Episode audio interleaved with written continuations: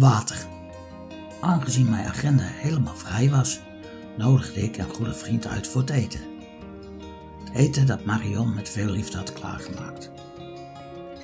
Om vijf uur kwam mijn maatje zorgelijk de trap oplopen met de alles is zinloos blik, die zo herkenbaar is voor deze tijd. Drie biertjes brachten hem echter zonder moeite in een toestand van gezelligheid ketteriteit. Wat is het heerlijk om een vriend uit te nodigen.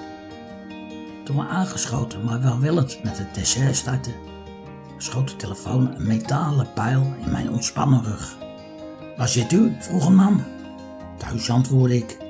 Hoe laat is het dan? riep de man. Weet ik veel, kijk eens op je klokje. De man lachte bitter. Ik weet niet of u het weet, sprak hij, maar het is half negen. En zou hier om acht uur een lezing houden. Er zitten honderd man te wachten. In één klap was alle gezelligheid weg. Welkom in het leven van een ADHD'er. Ik ben zo bij u, riep ik. Twee taxis bellen, paniekerig door het huis rennen, om mij benodigde verhalen bijeen te graaien. Blijven jullie nou lekker zitten? riep ik. Voor over een paar uur ben ik alweer terug. Drink nog maar wat. De bel ging.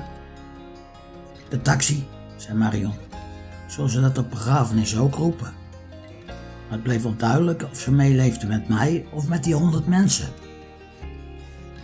Ik ging de trap af in de stemming van iemand die uit een heerlijke droom wakker schrikt omdat zijn bed vol met water is gelopen.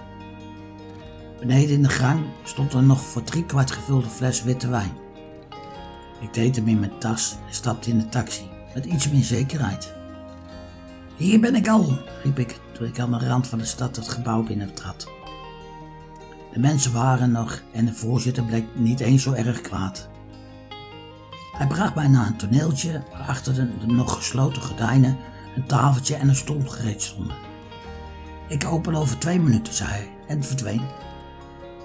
Het moest snel gehandeld worden. Op zo'n tafeltje stond een sierlijke waterstel van groen glas. Ik greep de kan, deed een raam open en goot hem leeg. Hey gek, kijk uit, riep een voorbijganger, die nog net opzij had kunnen springen. Sorry, zei ik en ik sloot het raam. Nu schonk ik de wijnfles leeg in de kan, legde de benodigde verhalen op tafel en ging zitten. Kunnen we beginnen? kwam de voorzitter vragen. Ik knikte.